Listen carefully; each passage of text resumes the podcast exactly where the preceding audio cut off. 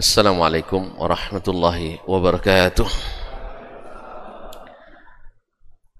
إن الحمد لله نحمده ونستعينه ونستهديه ونستغفره ونتوب إليه.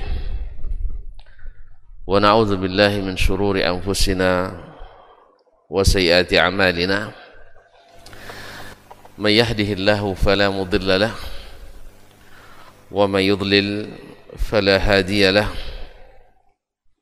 أشهد أن لا إله إلا الله وحده لا شريك له وأشهد أن محمدا عبده ورسوله.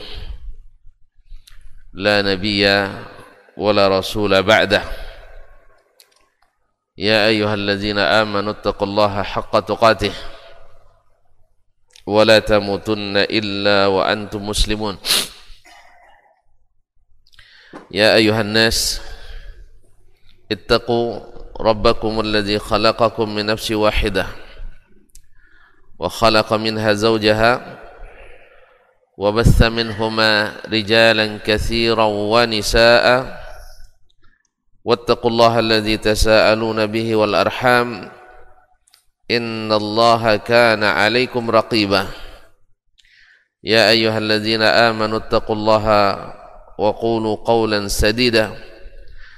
يصلح لكم أعمالكم ويغفر لكم ذنوبكم. ومن يطع الله ورسوله فقد فاز فوزا عظيما. أما بعد فإن أصدق الحديث كتاب الله وخير الحدي حدي محمد صلى الله عليه وسلم. وشر الأمور محدثاتها وكل محدثة بدعة وكل بدعة ضلالة. معاشر المسلمين معاشر المسلمات الحاضرين والحاضرات والمشاهدين والمشاهدات أو المستمعين والmustami'at Bapak dan Ibu-ibu, saudara-saudara dan saudari-saudari jemaah Masjid Riyadhul Jannah Pekanbaru ataupun yang mendengarkan melalui Radio Rebani 101,1 FM atau yang menyaksikan melalui media di mana pun berada. Alhamdulillah subuh ini kembali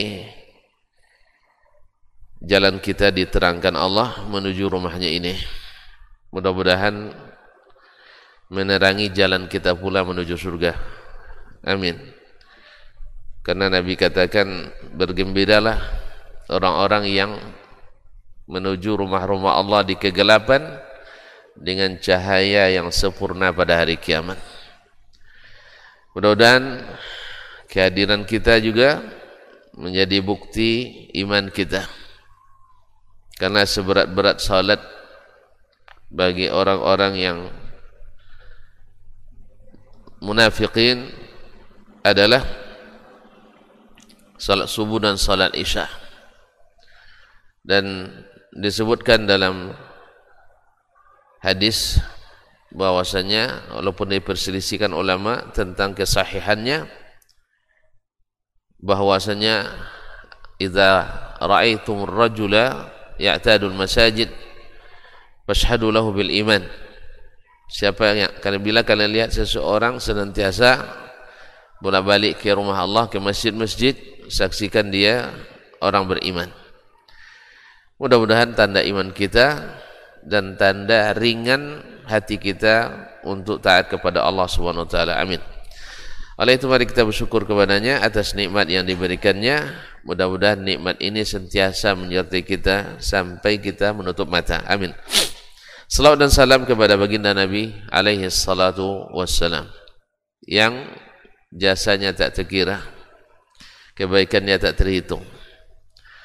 Oleh sebab itu mari kita banyak-banyak mendoakannya dengan doa terbaik yaitu salawat dan salam seperti yang diajarkan Allah tabaraka wa taala. Inna Allah wa malaikatahu yusalluna 'alan nabi ya ayyuhalladzina amanu sallu alaihi wa sallimu taslima. sesungguhnya Allah dan para malaikatnya bersalawat kepada Nabi alaihi salatu wassalam. Wahai orang-orang yang beriman ucapkanlah salawat dan salam kepadanya dengan sebanyak-banyaknya. Mudah-mudahan salawat dan salam itu membuat doa kita senantiasa diijabah Allah dan kita senantiasa mendapatkan ampunan dan taubat dari Allah Subhanahu wa taala dan di hari kiamat kita berharap mudah-mudahan diizinkan mendapatkan syafaat dari baginda Nabi alaihi salatu wassalam. Kaum muslimin dan masih tentang mencintai sunnah Rasulullah sallallahu alaihi wasallam. Ini memang masalah cintanya tidak habis ceritanya. Karena seperti iman juga ada naik turunnya. Ya, cinta memang, tapi kadang-kadang naik turunnya. Sama juga dengan amarah naik turun juga.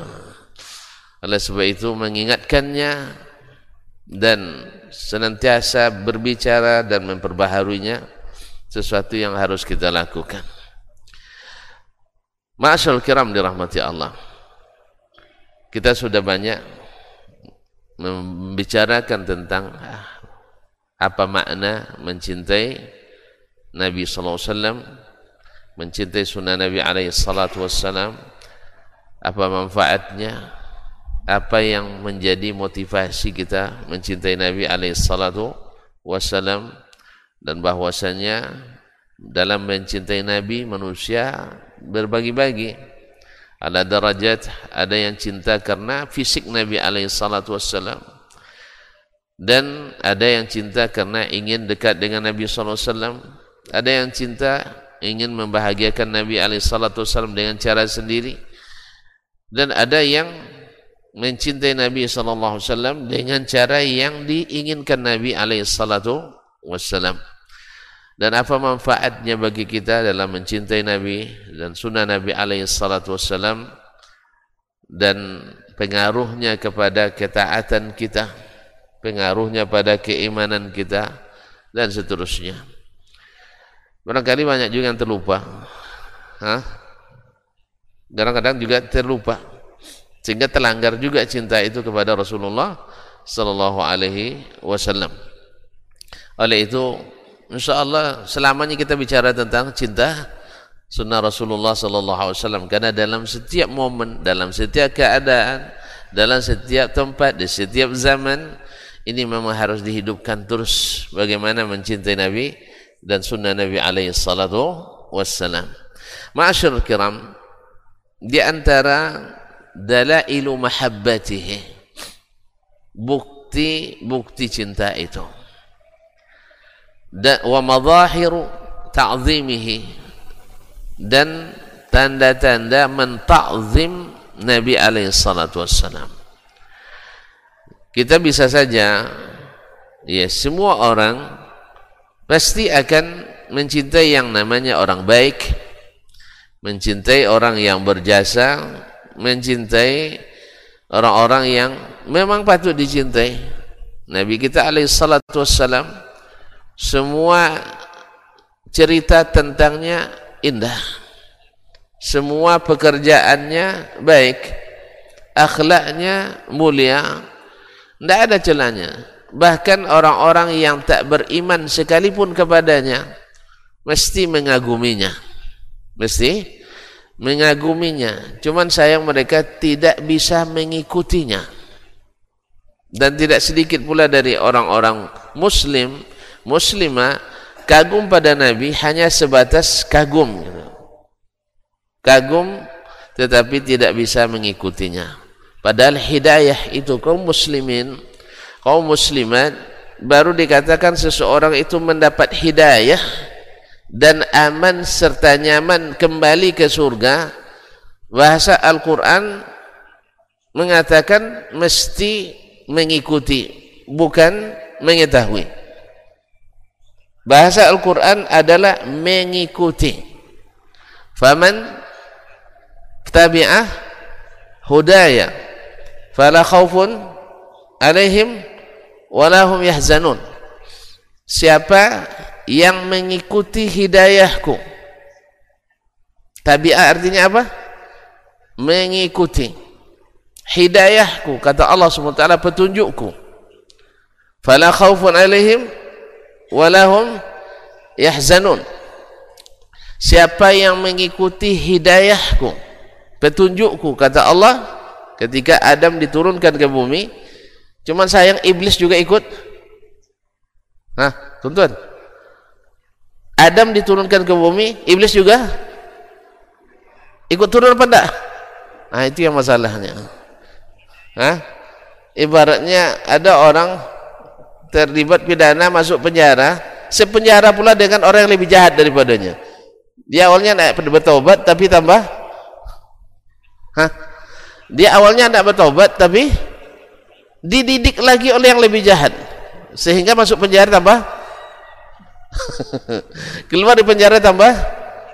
Tambah hebat kejahatannya naudzubillah. Awalnya ketika ditangkap dimasukkan lembaga pemasyarakatan supaya lebih baik nanti keluarnya.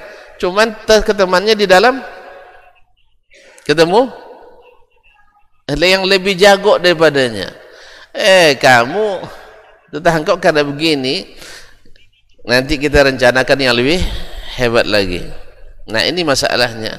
Kita Adam turun tapi iblis juga turun. Qul nahbitu minha jami'an. Kami katakan turun kalian dari surga semuanya jelas? Nah iblis sudah putus pengadilan. Sudah Allah putuskan. Tidak akan masuk? Tidak akan masuk? Surga. Penjara seumur? Seumur hidup. Maka dia tidak ada harapan bebas.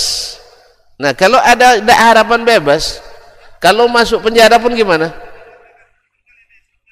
Syekh tambah baik dia. Nah jadi iblis sudah dihukum tak akan kembali. Fa izhab fa innaka rajim. Pergi kamu kamu dalam keadaan terlaknat. Dan tidak kembali lagi ke surga. Maka dia berusaha dan bersumpah di hadapan Allah. Bersumpah atas nama Allah dia. Saya akan sesatkan mereka semuanya.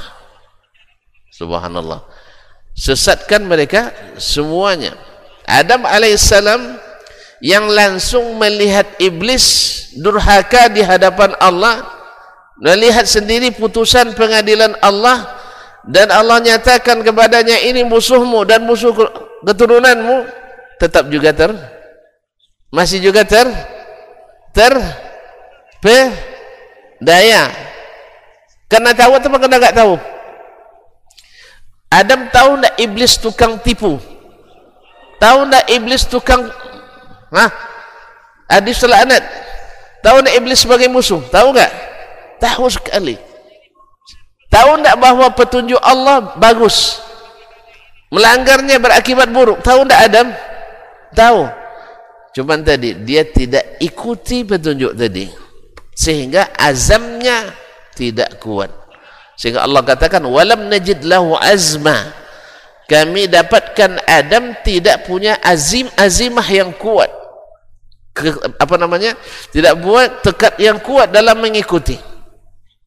Akhirnya dia tertipu oleh iblis. Di mana? Di surga. Coba bayangkan. Dan sebanyak itu pohon-pohon dan sebanyak itu sungai-sungai dan sebanyak itu makanan semua melimpah indah. Ya pak ya pernah bayangkan surga? Tidak terbayangkan memang tidak usah dibayangkan. Semua yang bapak bayangkan surga lebih jauh di atasnya Nah, Allah kata eh, Nabi katakan uh, atau Nabi riwayatkan Allah ciptakan bagi hamba-hambanya yang beriman mala ainun ra'at. Tak pernah terlihat oleh mata. Wala uzunun sami'at. Tak pernah terdengar oleh telinga. Wala khatar ala qalbi bashar. Tak pernah terlintas dan terbersit dalam hati manusia Adam sudah melihatnya sudah menikmatinya dan dilihatnya iblis terlaknat di situ karena tidak mengikuti satu kali perintah Allah sujud kepadanya dan Allah sudah cetuskan ini Adam ini Hawa Adam musuhmu. Jelas? Walaupun demikian Adam masih juga tertipu di situ. Sebanyak pohon kayu kau pohon itu dia tengok juga. Padahal kata Allah SWT Allah kan jelaskan wala taqraba. Jangan dekat sebab kalau dekat mahaya. Jangan dekat. Sama dengan wala taqrabuz zina. Jangan dekati zina. Sebab siapa yang dekat-dekat pasti?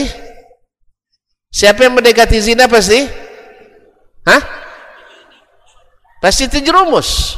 Makanya bahasanya jangan dekat-dekat. Wala taqraba hadhihi jangan dekati pohon ini. Fatakuna minadh zalimin nanti kamu akan akan menjadi orang zalim Ma'asyarul kiram dirahmati Allah ketika Adam diturunkan Allah SWT ya Allah dengan hikmahnya ikut pula iblis diturunkan ke bumi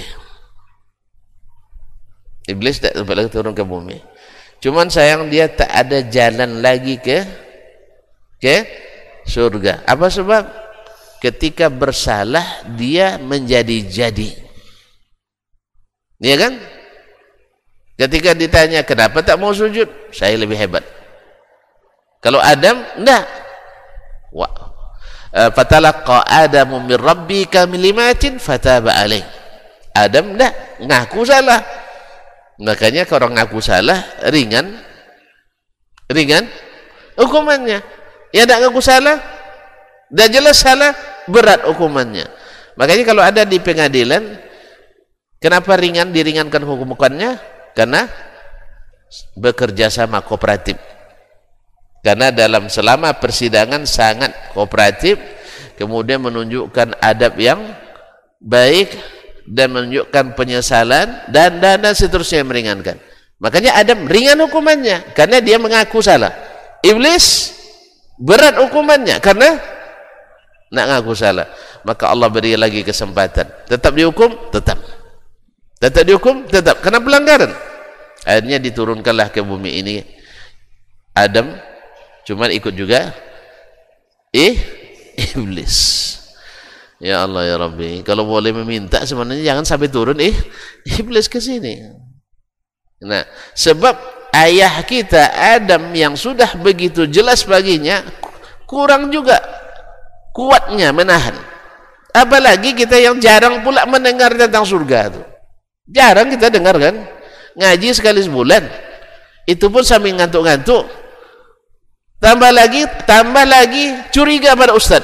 Nah, sebagian ada, iya. Saya mengaji Ustaz Dasman, eh kata Ustaz Sianu itu bahaya kajinya. Apa bahaya? Quran hadis, Quran hadis.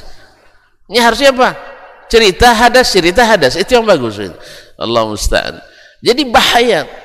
Jadi dari awal dari awal ngaji tidak ada yang masuk. Masuk kanan keluar kiri apa sebab? Karena ada kecurigaan. Yang begini masuk tidak hidayah? Masuk hidayah? Tidak. Azam azam kurang dan tidak mau mendengar. Mendengar pun tidak mau mengikuti. Allah musta'an. Makanya Allah katakan ketika turun Adam walakum fil ardi mustaqarrun wa mata'un ilahin. Di bumi itu tempat tinggal menetap sampai satu masa tertentu. Ya, sampai kiamat. Kiamat kecil maupun kiamat besar. Kiamat kecil sampai ajal kita. Kiamat besar datang kiamat yang habis umur dunia. Ilahi nah tempat kembali itu hanya dua. Hanya dua. Tempat yang menggembirakan dan menyenangkan dan tempat yang mengerikan dan menakutkan. Tidak ada jalan lain. Iblis sudah tidak ada kesempatan untuk mendapat jalan yang menggembirakan ini. Tapi anak Adam masih. Tetapi iblis tak rela.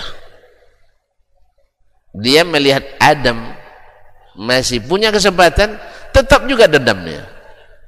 Coba Adam tidak ada salah kan? Dia menipu Adam tapi karena Adam dapat lagi kesempatan balik dendam juga iblis. Sama kadang kita juga gitu manusia kan?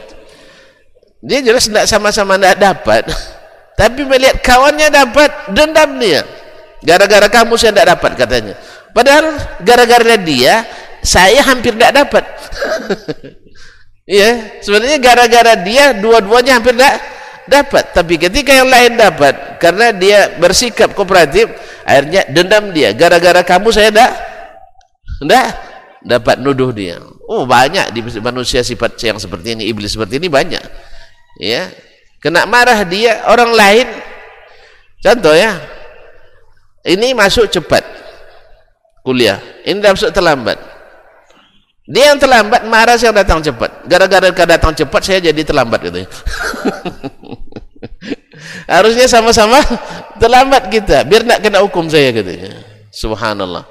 Jadi gara-gara yang datang tepat waktu sesuai aturan yang melanggar marah kepada yang menaati aturan. Allah musta'an. Ada tak? Ada tak? Banyak. Ini perangai iblis yang seperti ini kaum muslimin. Semoga tapi di sini enggak ada. Ya, di sini enggak ada. Kalau tengok senyum-senyumnya enggak ada nih. Iya. Enggak, ha? La ilaha illallah. Kau muslimin dan muslimat dirahmati Allah Subhanahu wa taala. Nih, kok jadi panjang cerita tentang di sini? Belum sampai pada nantilah tidak apa-apa. Memang cerita ini memang harus dibuka gitu. Ceritanya harus dibuka. Nah, iblis tidak punya kembali, Adam punya kesempatan kembali Nah, gimana cara pulang ini? Sebab antara surga dengan bumi itu jauh. Jauh kan? Kita dulu di mana? Di atas atau di bawah? Surga itu di mana? Di atas atau di bawah? Serius ini. Di mana antum tahu bahwa surga di atas? Hah? Oh, karena Adam di diturunkan. Kalau turun dari atas alhamdulillah masih jalan bahasanya gitu ya karena yang namanya turun mesti dari atas kemudian surga disebut oleh Allah SWT inda malikin muqtadir. Di sisi Allah maharaja yang sangat berkuasa. Makanya antara Adam diturunkan kemudian surga di atas ruh orang yang meninggal diangkat lagi ke atas dan disebut berpulang ke rahmatullah kemudian Allah jelaskan dirinya di atas dan kalau dia turun perintah turunkan dari atas malaikat melaporkan lagi kerjanya ke naik lagi ke atas ini semuanya sejalan. Sejalan. Tapi pas pembahasannya berubah dari ayat-ayat Allah sunnah-sunnah Nabi SAW akhirnya orang ribut gara-gara Allah di di atas. Harusnya ada, ada perlu diributkan ini. Sudah jelas surga di atas. Di sisi Allah yang maha tinggi dan maha berkuasa. Kemudian setiap anak Adam bila meninggal ruhnya di diangkat ke atas. Betul? Diangkat ke atas betul tak kan itu yang dipelajari selalu bahwa ruhnya diangkat ke atas. Sehingga dikenallah dalam bahasa mana pun bahasa dunia. Dalam bahasa Arab dalam bahasa Indonesia oh sudah mangkat. Mangkat ke mana? Ke atas. Sudah berpulang? Ke rahmatullah. Pulang ke rahmatullah ke atas. Taib masyaallah kiram dan rahmatnya Adam diturunkan dari dari atas. Malaikat di malam Lailatul Qadar turun ke bumi. Habis itu naik ke ke atas lagi. Malaikat melaporkan amal kepada Allah naik ke atas. Jelas alamatnya. Sehingga laporannya sampai. Kalau tidak jelas laporannya tidak tidak sampai oleh itu kaum muslim tapi pas pembahasan. Di mana Allah ribut sesama kaum muslimin yang tak pernah ribut di generasi pertama. Ya, di generasi tidak ada pernah ribut-ribut masalah ini. Baru ribut setelah datangnya keedah-keedah buatan manusia. Ya kalau begini mesti begitu kalau begitu mesti begini. Kita bilang pula kalau begitu tak mesti begini dan kalau tidak begitu tidak mesti begini. Iya itu kan buatan manusia semuanya buatan mah manusia lalu dicari ayat-ayat yang mutasyabihat dijadikan untuk menghukum ayat-ayat muhkamat. Ini terbalik. Yang jelas harusnya memimpin yang tak jelas harusnya di di belakang. Yang jelas beraninya suruh ke depan. Yang ragu-ragu suruh di belakang ini enggak ragu tak sanggup tanda dia. Ah maju dulu. Yang berani yang tak pasti oh kamu kalau pasti tidak usah maju dulu belakang aja. Terbalik apa enggak ayat muhkamat harus memimpin di depan. Ayat mutasyabihat ngikut dari belakang. Ini enggak dapat satu ayat muhkamat aina ma huwa ma'akum aina ma kuntum? Mutasyabihat. Di ayat mutasyabihat yang satu ini melumat seluruh ayat-ayat muh muhkamat. Allah musta'an. Sehingga menghilangkan apa yang kita ketahui melalui akal yang sehat. Bahwa yang namanya naik mesti dari atas ke bawah Oh bawa ke atas, alhamdulillah. Masih masih belum ngantuk, alhamdulillah. Iya kalau udah ngantuk kan lain jawabannya. Nah, yang namanya naik mesti dari atas ke bawa ke atas, taib. Yang namanya turun mesti dari atas ke ke bawah. Bahasa mana pun, di bahasa mana pun. Oleh itu kaum muslimin dan muslimat yang Allah, makanya orang-orang orang-orang yang ahlus sunnah wal jamaah yang sungguhnya tidak pernah meragukan satu ayat pun. Semua ayat dipakai semua ayat dipakai. Karena apa? Yang mutasyabihat ikut muh, muhkamat. Coba yang ragu disuruh maju, menang kita? Nah, enggak. Dia sendiri ragu. Orang peragu tak berani dia. Tapi makanya yang disuruh maju adalah yang yang memastikan, oh saya sanggup. Insya Allah saya sanggup. Mereka yang pasti muhkamat didahulukan dari mutasyabihat bukan mutasyabihat didahulukan dari muhkamat. Baik kaum muslimin cerita tadi. Cerita lagi tadi. Nah ketika Allah turunkan Adam alaihissalam. Dan jarak antara surga dengan bumi jauh sekali. Kalau bagaimana proses turunnya pakai pesawat ulang alik atau gimana itu saya kira tidak perlu kita tahu. Apa sebab? Hah? bukan pekerjaan kita. Bukan pekerjaan kita kalau ngurus pekerjaan yang bukan pekerjaan kita, terbengkalai pekerjaan kita. Perlu penelitian? Tidak perlu teliti. Kok tidak perlu Ustaz? Karena datang dari yang maha teliti. Datang dari yang maha teliti. Oh saya ragu. Berarti antum belum iman. belum beriman. Silakan aja ragu. Antum untuk ragu. Tapi kalau saya karena datang dari Allah yang maha yakin. Yang Allah yang maha teliti yang menyebut beritanya dengan la raiba fihi zalikal kitabu la raiba fihi saya langsung beriman. Soal ada yang meneliti atau tidak saya tidak ambil pusing. Karena penelitian dunia apa semuanya awalnya ragu ujungnya? Hah? awalnya ragu ujungnya? Bimbang. Penelitian ini dengan segala kemampuan yang dimiliki tetap pasti ada kekurangannya. Maka penelitian selanjutnya ini ini ini. Iya kan? Tidak ada yang pasti kan Makanya manusia ingin ingin pula membuat Al-Quran dan hadis seperti penelitian dirinya. Ini yang berkembang. Pemikiran bahwa tidak semua yang disebut Al-Quran mesti diyakini akibat apa? Karena mereka menganggap itu penelitian. Bahkan penelitian lebih hebat daripada daripada Al-Quran dan hadis. Coba nanti bikin artikel, bikin jurnal, isinya qala Allah, qala Rasulullah. Ini nilainya rendah. Kredit poinnya rendah paling dapat 12 paling tinggi 20 tapi kalau isinya menurut apa namanya setelah diadakan penelitian dari 40 sampel multi stake random sampel 98% sekian 2% sekian sekian. Nah ini ini meyakinkan. Padahal besok dua tahun setelahnya penelitian ini batal lagi oleh teori yang yang lain jelas ya? Dua tahun kadang tidak sampai. Waktu itu saja sudah ini.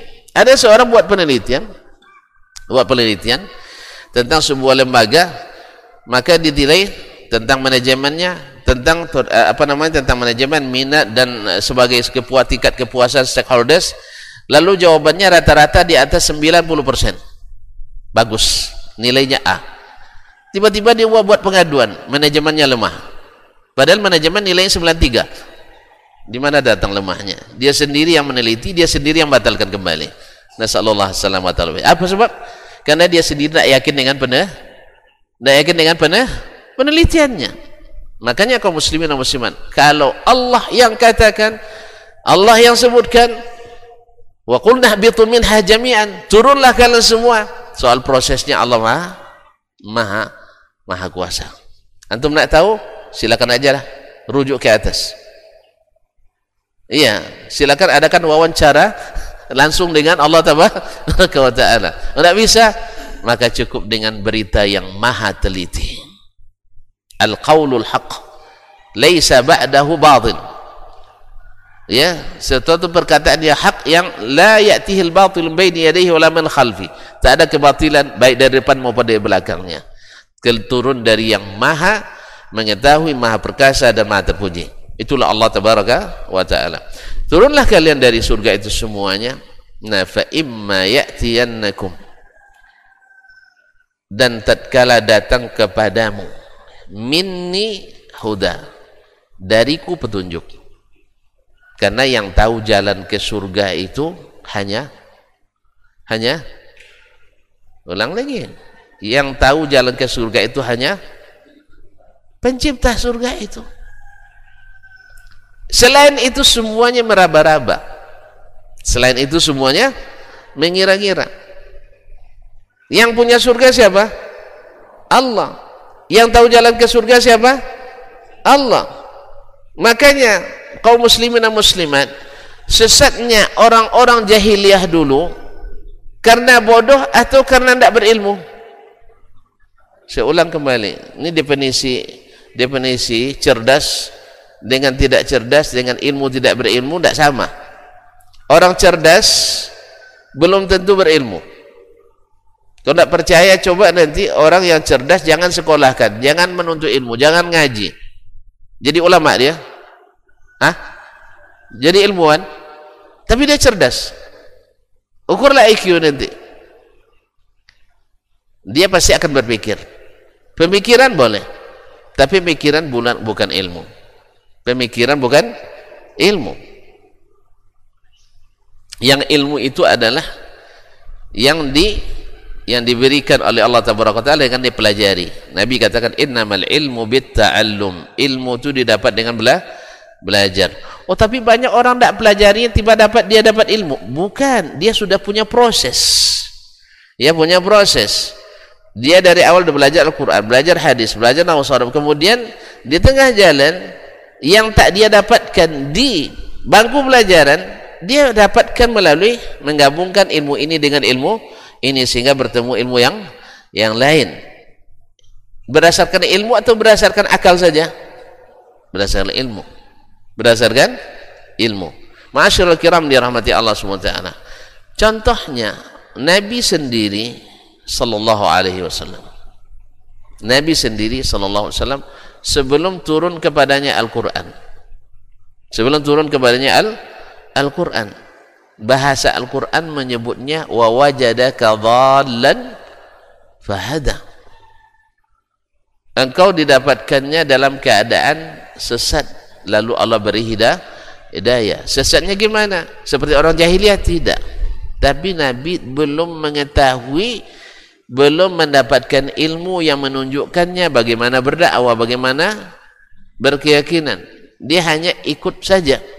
Misalnya salat ikut syariat Nabi Ibrahim. Tapi berakidah tidak ikut akidah jahiliyah yang syirik. Beliau tidak ikut kesesatan jahiliyah. Judi tidak terlibat dia. Berbuat syirik nyembah berhala tidak terlibat. Minuman keras tidak terlibat. Zina apalagi? lagi? Apa namanya bertaruhan? Tidak. Tetapi kalau kegiatan masyarakat dia ikut. Memberi makan orang yang butuh makanan membantu orang yang butuh bantuan membang apa namanya bersihkan dan apa membangun kembali Ka'bah dia ikut tak? ikut. Jadi pekerjaan atau memasyarakat memasyarakat tetapi tidak ikut kesesatan masa masa masyarakat. Di zaman jahiliyah dulu Kan tidak semuanya yang terlarang dibuat orang. Semua di zaman jahiliyah terlarang. Sih, semua yang dibuat oleh ahlul jahiliyah terlarang. Makan terlarang, minum terlarang, bertamu terlarang, memuliakan tamu terlarang.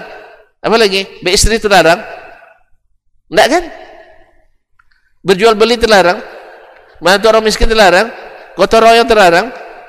Bersihkan Masjidil Haram terlarang. Enggak. Dan itu dilakukan orang jahiliyah di samping berbuat sesat mereka juga berbuat kebaikan sehingga terkenal masa jeli ada nanya hilful fudul yaitu sumpah setia membela kebenaran membela orang yang dizalimi Ada, dan Nabi ikut di situ. Ustaz, ngantuk. Ngantuk saya selesai. Nah, jadi tidak semua yang dilakukan orang jahiliyah itu pekerjaan terlarang. Nah, oleh sebab itu di hal-hal yang tidak terlarang Nabi Nabi ya Syekh, di hal-hal yang tidak terlarang Nabi kan baru saya bilang ikut serta. Makanya Nabi memasyarakat. Nabi tetap memasyarakat tapi tidak ikut kesesatan Astagfirullah. Itu bahasa belajar sirah. Tidak ada belajar sirah sini. Hah? Subhanallah. Nabi di zaman itu masyarakat pada umumnya sesat, betul? Pada umumnya saya sesat. Tapi apakah semua yang dilakukan oleh orang yang sesat-sesat? Ustaz. Syekh. Ini nampaknya tidak tidak setuju. Apa yang tidak setuju itu? Sebutkan. Makan boleh enggak? Ada orang makan zaman jahiliyah? Di zaman jahiliyah ada orang makan? Tidak ada orang makan? Alhamdulillah. Makan bersama ada enggak? Ada. Tidak ada orang makan bersama zaman jahiliyah? Ada. Orang yang undang makan zaman itu ada. Ada. Semua makanan hari itu haram. Ada yang halal enggak? Ustaz, antum pergi berburu dapat rusa halal tak? halal tak? Alhamdulillah jadi Nabi SAW tetap memasyarakat tapi tidak ikut dengan hal-hal yang sesat di masyarakat hari ini juga misalnya masyarakat kita Masya Allah pada umumnya baik tapi ada beberapa pelanggaran beberapa pelang pelanggaran baik di bidang agama maupun di bidang aturan di bidang keagamaan dan bidang aturan. Misalnya, iya misalnya, apa misalnya? Hah? Misalnya, coba misal, misalnya di hari kemerdekaan misalnya, ibu-ibu joget-joget di depan orang ramai. Ada? Banyak. Ini pelanggaran apa tidak? Syar'i atau bukan? Bukan syar'i. Ikut budaya asli apa tidak? budaya asli atau bukan ibu-ibu berjoget depan laki-laki yang tidak muhrim atau mahram ini budaya Melayu atau budaya Merayu? Bukan budaya Melayu. Budaya Melayu wanita itu pemalu bukan malu-maluin. Bukan memalukan nah. ini joget-joget di depan bapak-bapak. Nah seperti ini kegiatan seperti ini dibuat oleh masyarakat karena ikut apa yang dilihat bukan ikut apa yang diketahui.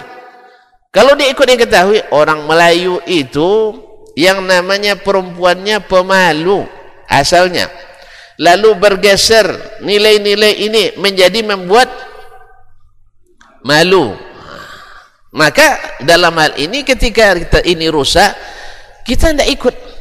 Tidak bisa dituduh tidak memasyarakat. Jelas ya? Jelas? Nah apa lagi? Semua orang kampung tuh main judi. Main judi. Misalnya apa sebab? Mulai dari kepala desanya ketua-ketua RW-nya kadus-kadusnya RT-RT-nya penggiat penggiat judi. Lalu kita tinggal di situ. Maka kita yang tetap istiqomah dan bersih tidak akan ikut. Tidak akan ikut. Tapi pasti ada hal-hal yang sifatnya baik. Misalnya setiap satu bulan sepekan eh satu bulan eh, setiap eh, misalnya ahad pertama di bulan setiap bulan ada gotong royong. Ini pelanggaran? Pelanggaran enggak? Nah ikut dia di situ. Ketika ada orang yang meninggal sama-sama dijenguk. Ikut dia di situ. Boleh jenguk orang sakit? Syed, jawablah cepat ini. Jawab orang sakit boleh. Alhamdulillah. Sering siku antum duduk di depan, maka saya tanya. Nah, baiklah kaum muslimin dan muslimat dirahmati Allah. Jadi menjaga orang sakit, bagus. Bantu orang yang membutuhkan, bagus. Itu diikuti oleh Rasulullah sallallahu alaihi wasallam. Tapi pas bagian syirik beliau tak ikut ya memuja berdoa kepada berhala bertawassul dengan berhala datang ke kuburan-kuburan keramat mengagungkan wali-wali dan sebagainya Nabi tidak ikut. Jelas? Judi itu merata di Mekah. Berarti Mekah boleh orang buat maksiat. Bukan boleh tapi boleh. Bisa terjadi bisa. Tonton sendiri lihat di dalam Ka'bah 360 berhala. Berarti Allah suka? Enggak kan ada sebagian kalau Allah tidak suka pasti diazabnya kita katanya. Enggak ya kan ada yang beralasan kadang kalau amalan ini tidak benar pasti Allah sudah buat bubar katanya. Enggak di Makkah sendiri dulu di rumahnya yang paling suci. Ada yang lebih suci di dunia ini daripada Baitullahil Haram dari Ka'bah ada yang lebih suci? Ada yang lebih mulia? Enggak ada. Tapi di situ induk kesyirikan bersarang dulu. Berarti Allah suka Allah suka enggak? Di mana antum tahu, tahu Allah enggak suka? Kok dibiarkannya? Hah? Di mana antum tahu bahwa Allah enggak suka itu? Hah? Di mana? Banyak buktinya ya tuan-tuan karena enggak, enggak mau nyebut aja, takut salah itu. Padahal enggak ada ujian. takut salah aja. Buktinya antara dakwah Nabi yang menghilangkan syirik ini ditentang oleh orang-orang jahiliyah yang mengagungkan itu. Berarti berarti Allah suka apa tidak? Saya ulang lagi. Nabi dakwahnya menghilangkan syirik betul? Ketika dia berdakwah menghilangkan syirik ditentang tak oleh kaum musyrikin? Taib dakwah Nabi disukai Allah Berarti dakwah orang yang menentangnya tidak disukai. Berarti Allah tidak suka. Tapi Allah biarkan supaya dakwah itu berproses. Orang banyak melakukan pelanggaran agama di rumah-rumah Allah. Mohon maaf, sebagian masjid kadang-kadang melakukan kegiatan berdosa di dalamnya. Misalnya bawa musik ke dalam mas masjid. Ya masjid. Walaupun masalah musik ini dipersisikan oleh ulama, tapi yang berdasarkan dalil bukan dalih musik itu adalah di diharamkan. Bahkan di negeri yang menghalalkan musik sekalipun, saya tanya kepada kawan-kawan yang pernah belajar di situ, tak ada masjid yang memutar musik di situ.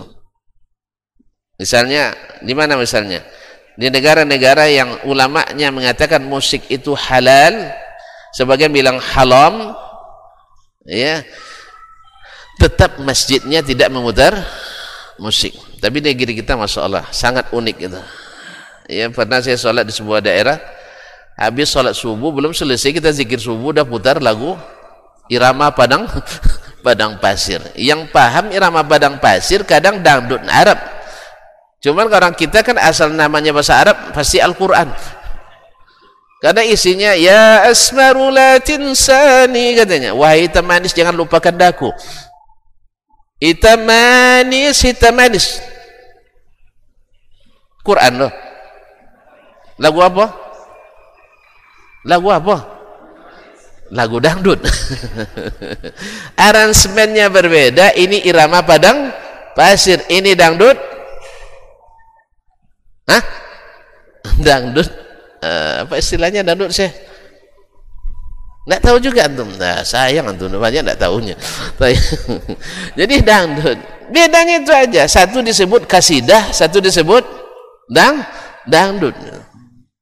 Padahal intinya sama dangdut Arab. Tapi karena kita nggak tahu karena dibelinya di Mekah pula tuh. Beli kasetnya di di Mekah. Ini di Mekah dijual nih katanya. Padahal orang tuh jual diam dia sembunyi-sembunyi itu kadang. Sehingga banyak jemaah haji nanya ke anak saya kan Ustaz di mana cari kaset kasidah Ustaz? katanya. Kaset kasidah apa tuh Pak? Irama padang pasir tuh katanya. Yang ada Umi Kulsum dan sebagainya.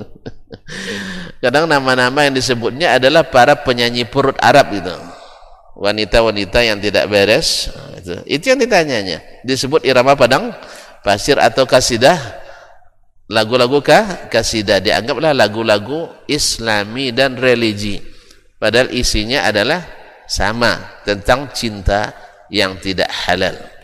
Tentang cinta yang tidak halal. Tahu cinta yang tidak halal? Hah? Enggak tahu juga? Ya Allah payah tuh nah, cinta yang tidak halal itu yaitu cinta pada lawan jenis yang belum punya ikatan. Bahasanya bahasa pacar paciran. Hah? oh pacar pacaran nah. Allah yang baiklah kaum muslimin muslim balik ke yang tadi. Kok sampai ke situ pula cerita itu ya Hah? apa tadi? Di mana simpangnya anda tersesat katanya simpang lupa Hah? ayo cepat kalau tidak ada balik kita nah di mana tadi simpangnya Tidak tahu ya? Ah? Ah, mak jauh sekali simpelnya saya. Ini bukan exit yang tadi tadi itu, ini exit yang baru ya. Ayo, bahwa banyak rumah-rumah Allah diisi dengan yang tidak disukai oleh Allah. Apakah itu bukti Allah suka atau tidak? Tidak. Buktinya di Ka'bah sendiri yang merupakan tempat yang harus paling dibersihkan dari kesyirikan di dalamnya terdapat sarang kesyirikan jadi kalau Allah tidak menghapus Allah tidak mengazab mereka kan tidak, kan tidak dihapusnya di permukaan bumi kan? Bukan karena Allah suka tidak. Tapi Allah siapkan Rasul untuk menghilangkannya. Karena Allah sudah berjanji wa ma kunna mu'azzibin hatta nab'atha rasula. Kami tidak akan mengazab suatu umat sebelum kami utus seorang ra rasul jelas ya? Alhamdulillah Allah lebih cepat sayangnya daripada murkanya kalau sempat Allah pemarah setiap salah setiap salah kecil besar kecil langsung dibasminya kita tidak ada yang tinggal lagi. Habis. Tapi Allah lebih memberi kesempatan. La'allahum yarji'un.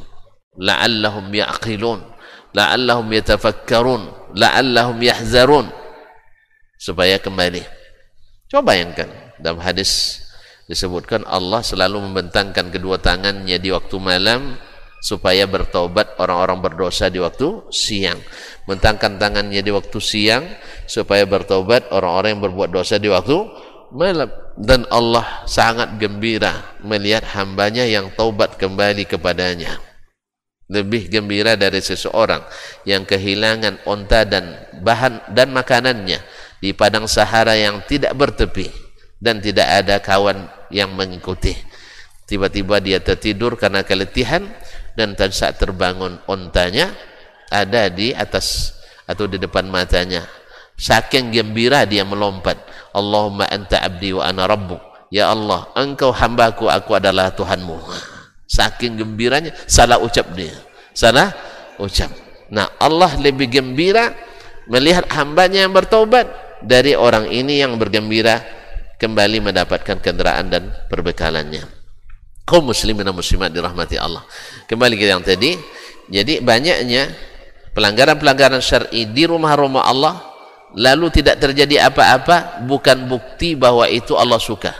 Tapi Allah memberikan tugas kepada orang yang mengetahui untuk senantiasa mengingati dan dan dan mengingatkan umat karena Allah tidak akan azab kecuali kalau Allah kirim para pengingat. Ma'asyiral kiram dirahmati Allah SWT. Lalu Nabi Allah SWT kembali ke exit yang tadi yaitu bahwa surga dan neraka eh surga dan neraka antara bumi untuk kembali ke surga jauh hanya Allah yang tahu maka Allah katakan fa imma ya'tiyannakum minni hudan faman tabi'a hudaya fala khaufun alaihim walahum yahzanun siapa yang mengikuti petunjukku catat baik-baik itu bukan siapa yang mengetahui petunjukku Ibaratnya apa? Orang bisa saja hafal Sahih Bukhari, hafal Sahih Muslim, hafal Al-Quran, hafal tafsir At-Tabari, tetapi tidak mengikutinya, tak dapat hidayah. Tidak dapat hi hidayah. Apa buktinya? Banyak dosen-dosen orientalis, orientalis. Kalau berbicara tentang Al-Quran dan hadis, lebih hebat dari profesor hadis yang ada di kita. Iya. Hafal dia. Tahu dia sejarah. Tahu dia kapan Nabi sampai kapan Nabi cebok, kapan Nabi tidur, kapan Nabi tahu dia. Kita kadang tidak tahu profesor kita. Dia tahu. Makanya ketika bertemu profesor kita dengan mereka banyak yang tertipu oleh mereka. Akhirnya apa? Mereka tahu tapi dapat hidayah. Mereka tahu tapi dapat hidayah? Tidak. Abu Jahal tahu dia Nabi SAW tidak pernah bohong. Abu Talib tahu dia Nabi SAW jujur, benar dakwahnya. Tapi dapat hidayah? Tidak. Makanya hebatnya seseorang dengan keilmuannya, penguasaan akademisnya, tahu berpikirnya, logikanya, berhujahnya, berargumentasinya, tapi tak mengikut petunjuk Allah dan Rasul, maka dia tidak akan dapat hidayah. hidayah. Sekalipun dia menyebut itu hidayah, karena tidak cukup dengan mengetahui. Tidak cukup dengan mengetahui. Sebagaimana ketika ada seorang sahabat Nabi alaihi salatu sangat sayang ke Rasulullah sallallahu alaihi wasallam. Sampai dia mengadu ke Nabi ya Rasulullah, saya saking rindunya kepadamu ya Rasulullah. Di tengah istri dan anak-anakku, aku ingat kepadamu, tapi di saat sekarang ini saya bisa langsung bertemu denganmu. Datang ke Nabi sallallahu alaihi wasallam. Bertemu.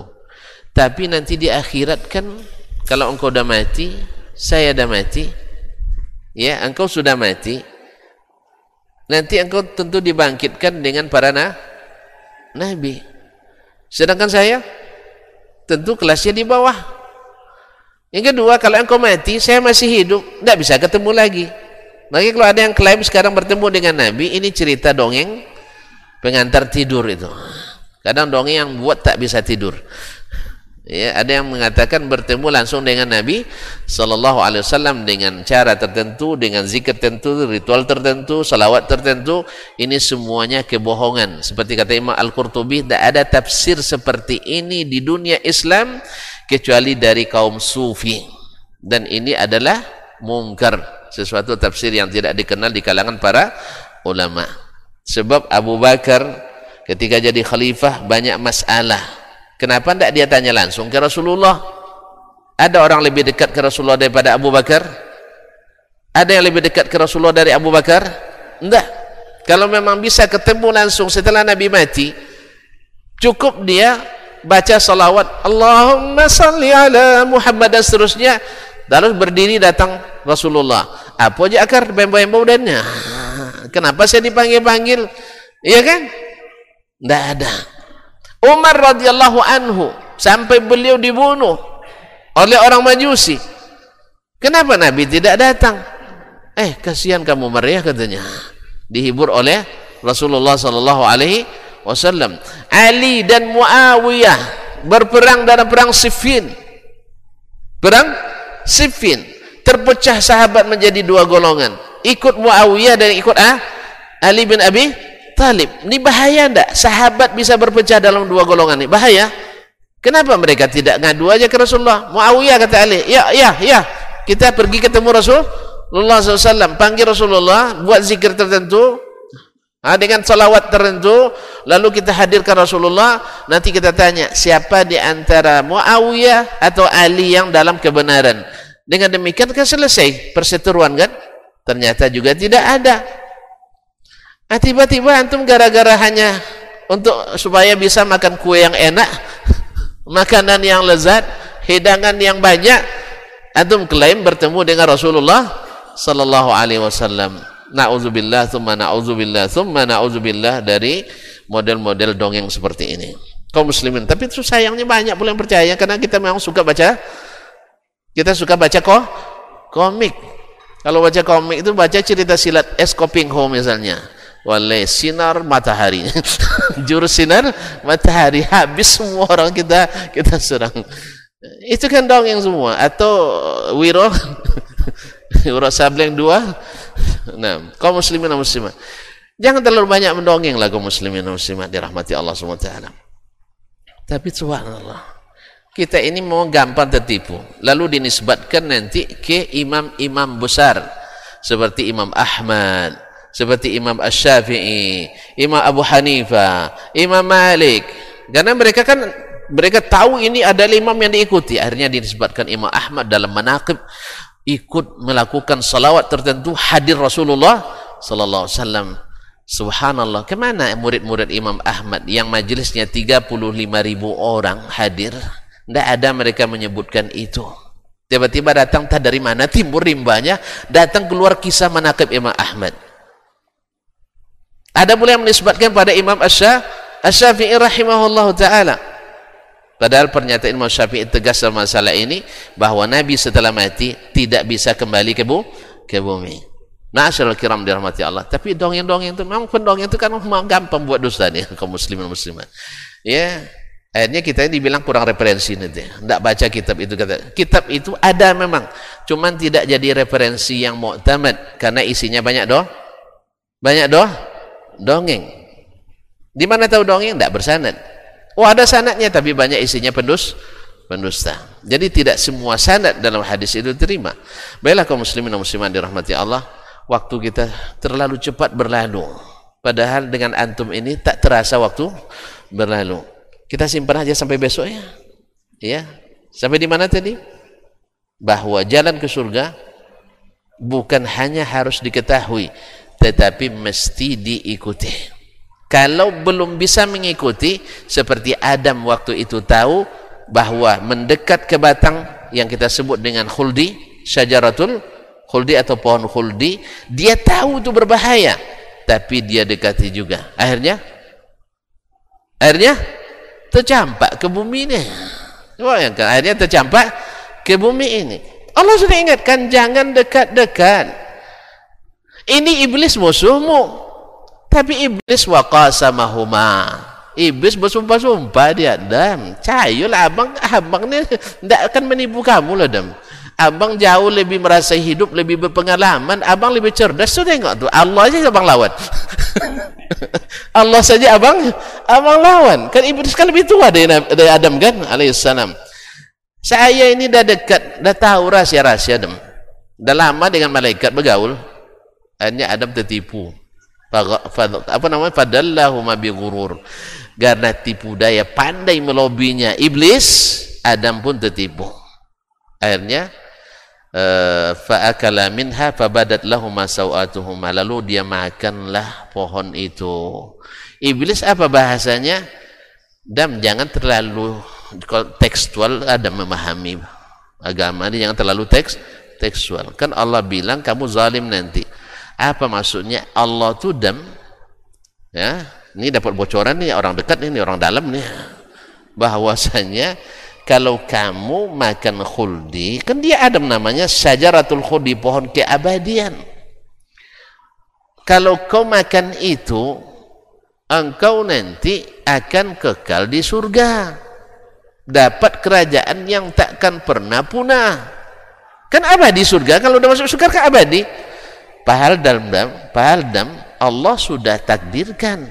Ini rahasia dong kita berdua aja yang tahu, yang lain tidak tahu nih. Allah sudah merencanakan bumi itu kan kamu harus ke sana. Paham tuh? Hah?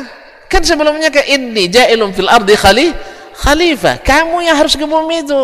Makanya dilarang pohon ini supaya kamu kok kamu turun ke bumi. Padahal kan sebaliknya. Nah itu begitulah hikmah Allah menghendaki. Akhirnya Adam siapa yang tidak mau kekal di surga? Siapa yang bahkan bahasanya kan tidak semua yang diajarkan Nabi mesti diikuti. Banyak kebaikan yang diajarkan Nabi. Kan itu kan? Banyak jalan menuju Roma. Itu ya. Ya asal baik niatnya baik masuk surga. Kan gitu.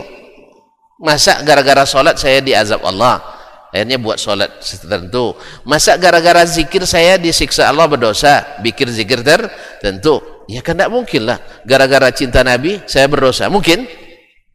Ya tidak kan?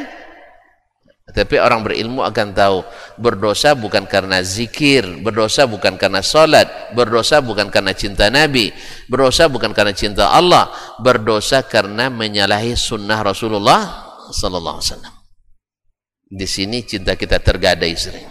Di sini cinta kita tergadai. Dan tahu sunnah Nabi, tetapi karena bisikan-bisikan, karena gesekan-gesekan, bujukan-bujukan, akhirnya hilang juga apa yang kita ketahui. Sehingga kita tak selamat juga. Pasalnya apa? Tak berani mengikuti. Tak berani mengikuti. Karena mengikuti itu berat sayang. Cinta itu berat. Cinta itu berat. Perlu pengorbanan rasa tenaga waktu dan seterusnya jelas ya oleh sebab itu mudah-mudahan Allah mudahkan kita mencintai Nabi sallallahu alaihi wasallam, mudahkan kita mudahkan kita mengetahui hidayah Allah dan mengikutinya. Karena bahasa mengikuti. Kembali kepada yang sahabat tadi, dia kalau di, rindu ketemu Nabi dapat ketemu dunia, tapi setelah meninggal tidak bisa lagi. Nah, andainya meninggal sesama meninggal aja tidak bertemu kata dia, bagaimana orang meninggal dengan orang yang masih masih hidup? Nah, apa kalau di akhirat nanti ya Rasulullah, engkau tentu bersama para nabi. Saya kelas saya kan di bawah itu. Segimana saya nanti lepas rindu bertemu kamu ya Rasulullah? Lalu Allah turunkan ayat. Lihat kaum muslimin, ayatnya perkataannya mesti diamati. Nabi terdiam tidak bisa jawab waktu itu. Kan Nabi kan begitu kan? Makanya kalau kita tidak tahu, jangan malu. Nabi aja sering tidak jawab pertanyaan. Awak enggak, lebih hebat pula Nabi lagi. apa aja terjawab. Nabi banyak pertanyaan yang tak langsung dijawabnya. Pasalnya apa? Belum ada ilmunya. Ini makanya sunnah Rasulullah mengetahui yang tidak diketahui itu itu sunnah Nabi alaihissalatu wassalam. Nabi terdiam. Tak dia jawab. Sampai turun Jibril membawa ayat. Lihat. Masalah cinta tadi kan? Masalah cinta kan? Apa jawaban Allah? Wa may yuti'illaha war rasul. Cinta apa hubungannya dengan taat? Siapa yang taat kepada Allah dan Rasul, faulaika ma'al ladzina an'ama Allahu 'alaihim. Mereka itu bersama orang-orang yang Allah beri nikmat kepada mereka siapa minan nabiyyin was-siddiqin wasyuhada'i was-salihin yaitu para nabi, para siddiqin, para syuhada dan orang-orang sah, salih. Wa hasuna ulaika rafiqa. Mereka lah sahabat yang terbaik. Berarti kalau kamu nak ketemu Rasul nanti di akhirat, bukan mengetahui Rasul, tidak. Bukan mengetahui Rasul. Walaupun mengetahui Rasul itu punca jalan kita menuju cinta Rasul. Dan cinta Rasul itu punca kita untuk taat pada Rasul. Jelas? Tapi kalau hanya sampai mengetahui saja tidak berani mencintai dan mengikuti kita baru di terminal pertama. Belum sampai ke terminal tujuan. Jelas ya baru terminal sebelum transit kan nah, jadi baru tidak sampai kita maka Allah sebutkan yang berhak menjadi teman para nabi, teman para siddiqin, teman para syuhada dan orang-orang saleh wa may war rasul. Siapa yang taat pada Allah dan Rasul. Padahal pertanyaannya tadi tentang cinta kan? Tentang cinta. Saya ingin bertemu engkau ya Rasulullah. Nah, caranya taat Allah, taat Rasul. Bukan mengetahui syariat Allah mengetahui syariat Rasulullah tidak. Mengikuti dan menaati. Saya kira jelas sekali ya. Kalau tidak jelas? Tambah lagi waktunya panjang sih. Ya jelas sekali ya. Jelas. Jadi bukan hanya mengetahui tetapi mengi mengikuti.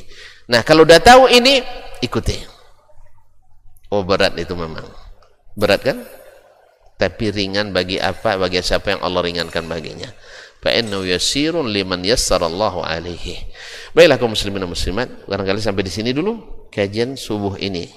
Ini sudah kajian duha jadi terima kasih dan mohon maaf karena sudah sangat jelas. Saya kira tidak ada yang perlu ditanyakan untuk tambah jelas. Nanti yang jelas kalau perjelas tambah tidak jelas. Ya. Oleh sebab itu barangkali tidak ada yang tanyakan lagi Ustaz ya. mohon maaf ya ya saya banyak bertanya ke antum tadi. Akhirnya tidak ada. Saya buka untuk bertanya ke saya.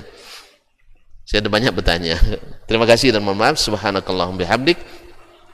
Asyhadu an la ilaha illa anta astaghfiruka wa atubu ilaik. Wassalamualaikum warahmatullahi wabarakatuh